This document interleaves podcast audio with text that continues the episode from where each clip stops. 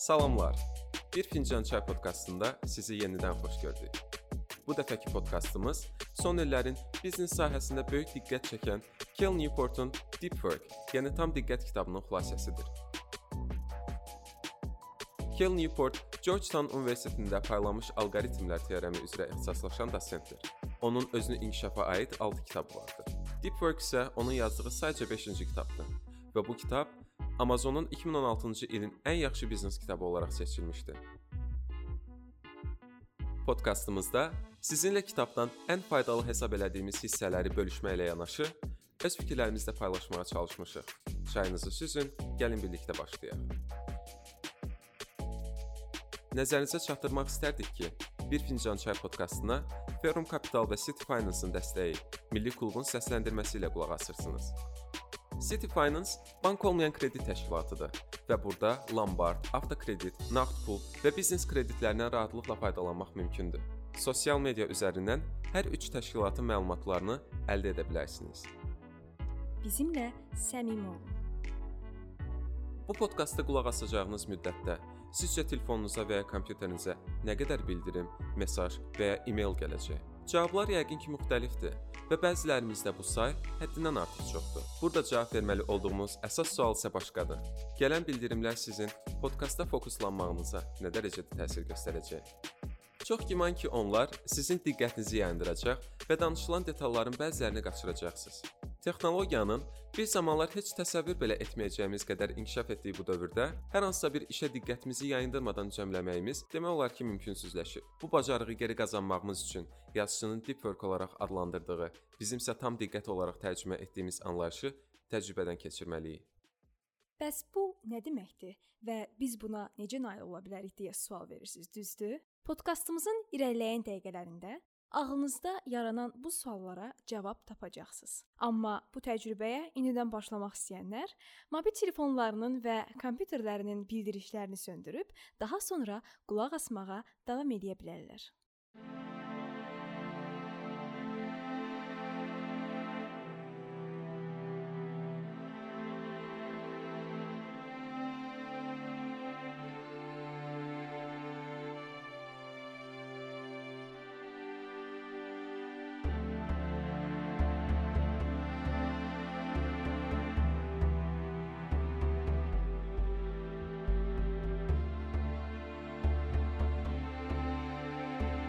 Bir neçə işi eyni anda görmək və diqqətin yayılması məhsuldarlığın ən böyük düşmənidir.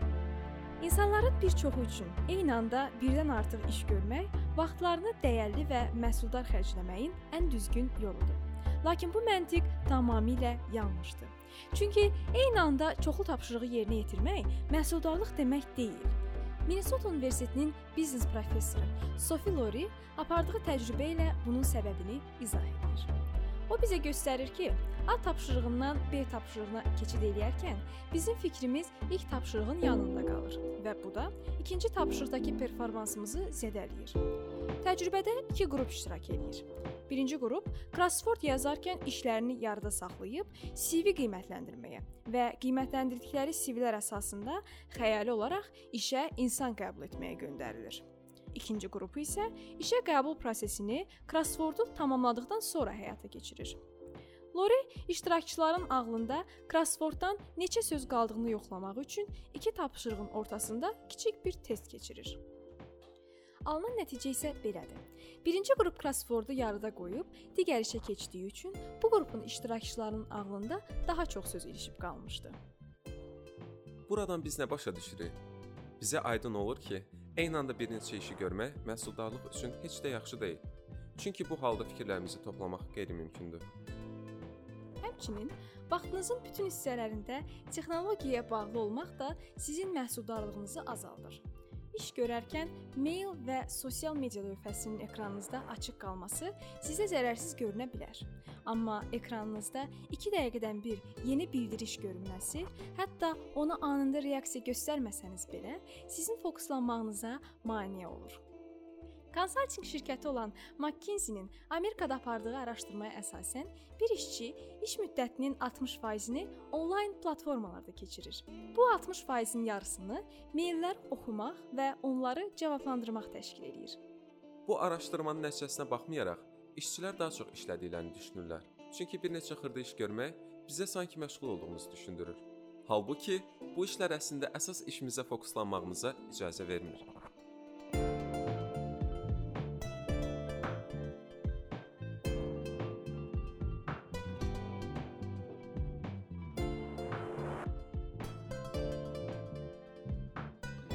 Nail olmağın müxtəlif yolları var.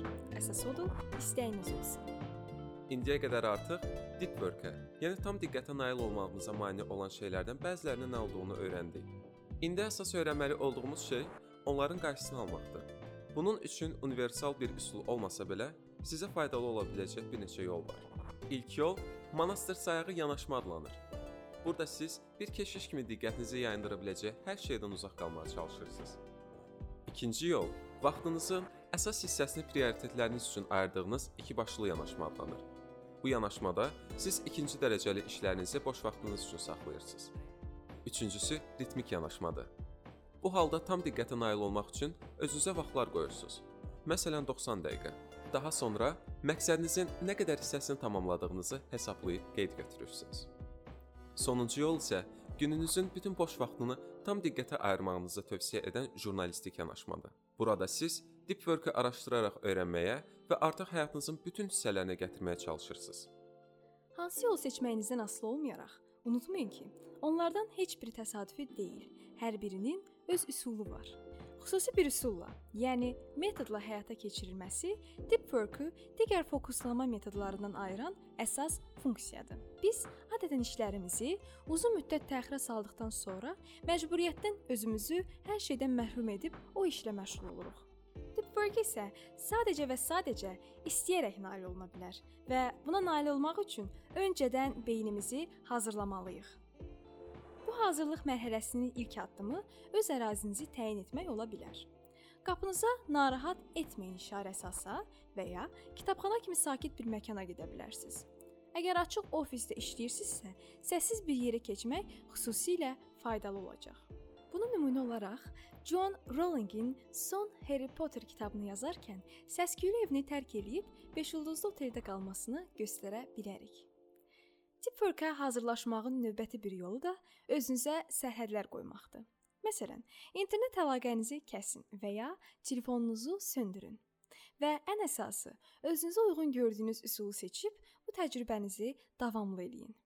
Bədəninizi və özünüzü ehtiyacınız olan hər şeylə, idman, qida və təmiz hava ilə təmin eləyin. Əgər etməsəniz, tam diqqətə nail olmaq üçün zehni olaraq enerjiniz qalmayacaq.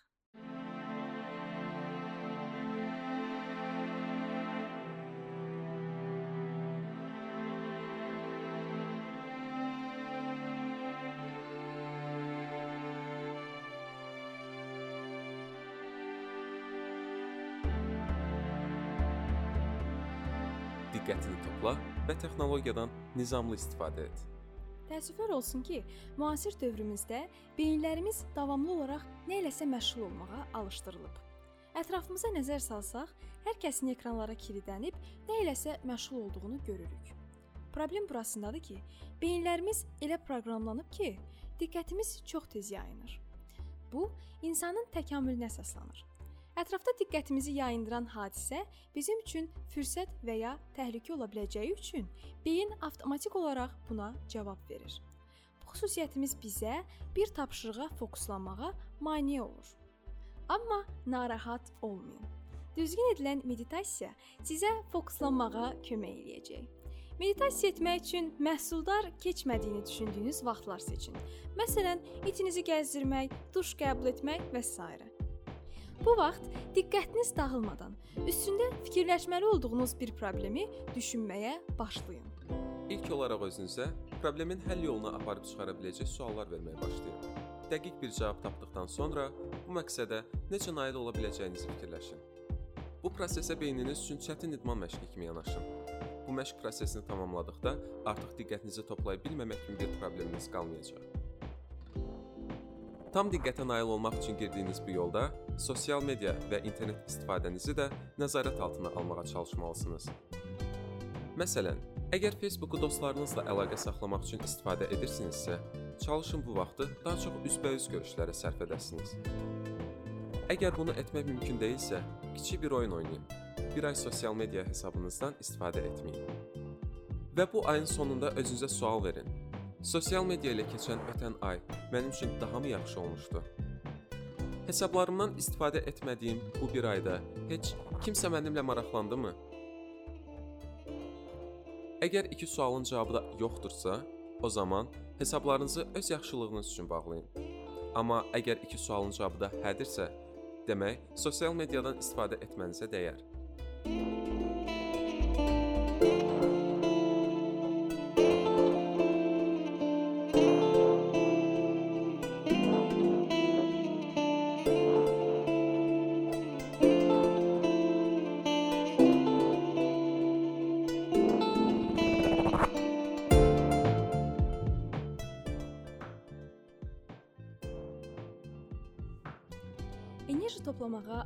Ayıra bilmək üçün iş və boş vaxtlarınızın hər ikisini nizamlayın. İşdən evə qayıdanda bir çoxumuzun etmək istədiyi tək bir məşğuliyyət var. Heç nə etməmək.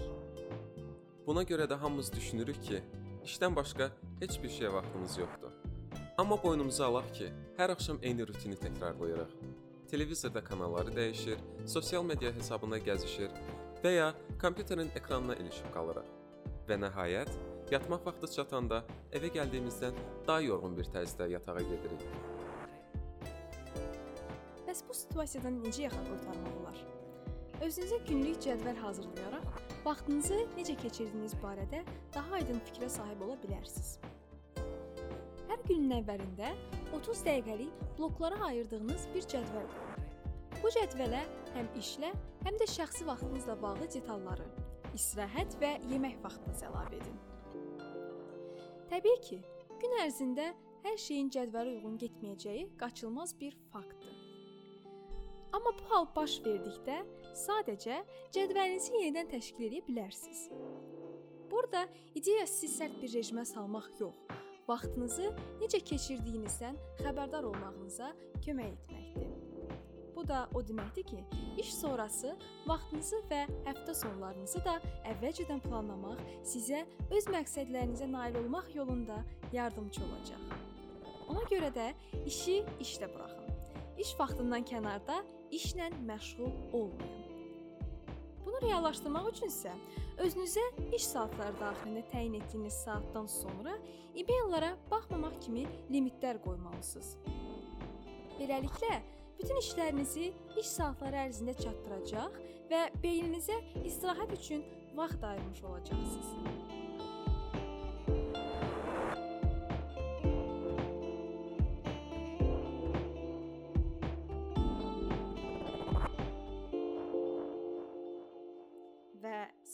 Olaraq istirahət vaxtlarınızı planlamaq sizə sosial media və internetdən başqa şeylərlə məşğul ola bilmə vaxtı yaradaraq fiziki və zehni olaraq enerji toplamağınıza kömək eləyəcək. Bu kitab oxumaq, idman etmək və ya sadəcə sevdiklərinizlə vaxt keçirtmək ola bilər.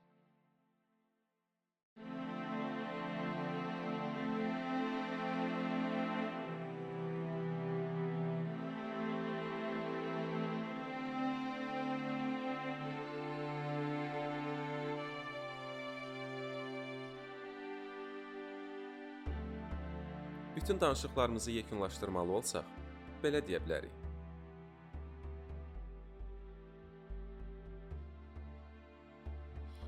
Fikrimizi yayındıran şeylərlə dolu olan bu dünyada bir neçə işi eyni anda görmək istəyimiz məhsuldarlığımızı tamamilə məhv edir.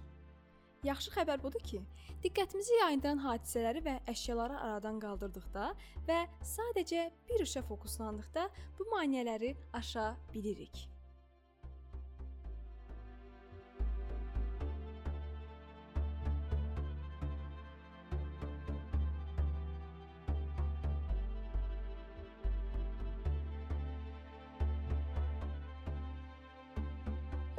Son olaraq sizə kiçik bir məsləhətimiz var. Növbəti dəfə özünüzü tamamilə tükənmiş hiss etdiyiniz bir gündə internet detoksu edin. Özünüzə kiçik bir cədvəl quraraq internetdən istifadə edə biləcəyiniz vaxtları yazın və bu vaxtlar xaricində qətiyyən istifadə etməyin. Bu sizin məhsuldarlığınızı artıracaq. Çünki internetdən istifadə üçün limitli vaxtınız olması sizi vaxtı daha yaxşı dəyərləndirməyə məcbur eləyəcək. İnternetdə boş-boş vaxt keçirməkdən necə faydalı məlumatlar əldə etməyə keçid etməyiniz sizin özünüzü də şoka salacaq. Beləliklə, Verum Capital və City Finance-ın dəstəyi və Milli Klubun səsləndirməsi ilə 4-cü podkastımızın sonuna gəldik. Ümid edirik ki, podkastımızdan faydalı məlumatlar əldə edib bunları şəxsi həyatınıza tətbiq edəcəksiniz. Yeni qoşulan dostlarımızı bundan öncəki podkastları da dinləməyə dəvət edirik. Sizdən gələn dəstək zəngləri, mail vərəqlər bizi həvəsləndirir, yeni işlər görməyimizə motivasiya verir. Bir fincan çay podkastından dinləmək istədiyiniz kitabları şərh bölməsində bizimlə bölüşməyi unutmayın. Növbəti buraxılışlarda görüşənədək.